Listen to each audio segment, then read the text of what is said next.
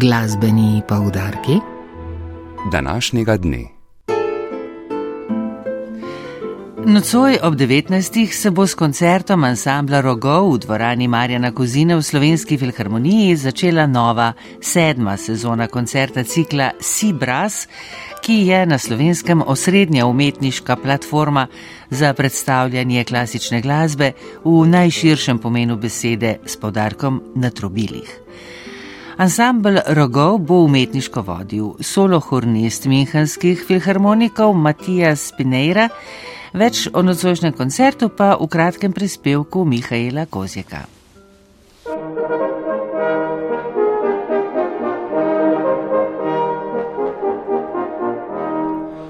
Osemčlanski ansambel rogov, ki se je zbral prav za nocojšnjo priložnost, sestavljajo najopaznejši pretežno domači hornisti. Med njimi so berlinski filharmonik Andrej Žust, solohornista simfonikov RTV Slovenija Boštjan Lipovšek in Mihajlo Bulajič, solohornista orkestra Slovenske filharmonije Jože Rošer in Blaž Ogrič, novi član Niremberških simfonikov Sebastian Buda in član Zagrebskih filharmonikov Petr Kšenek. Umetniško vodstvo ansambla prevzema mednarodno priznani čilski hornist Matijas Pinjera. Leta 2008 je že pri 19 letih postal solohornist simfoničnega orkestra iz Čila.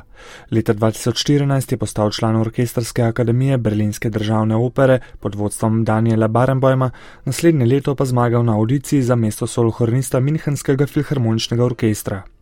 Kot solist nastopa s prestižnimi srednjeevropskimi orkestri, kot so Berlinski filharmoniki, orkester Tonhale iz Ciriha, Simfonični orkester Bavarskega radia, orkester Berlinske državne kapele in drugi.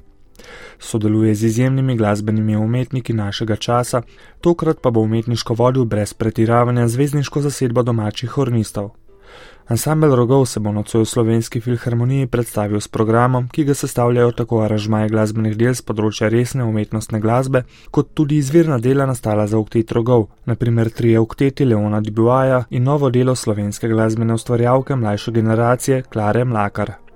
Skladba z naslovom Shadow Work je nastala po naročilu društva Sea Brass, Klara Mlakar pa v njej raziskuje delo z lasno senco.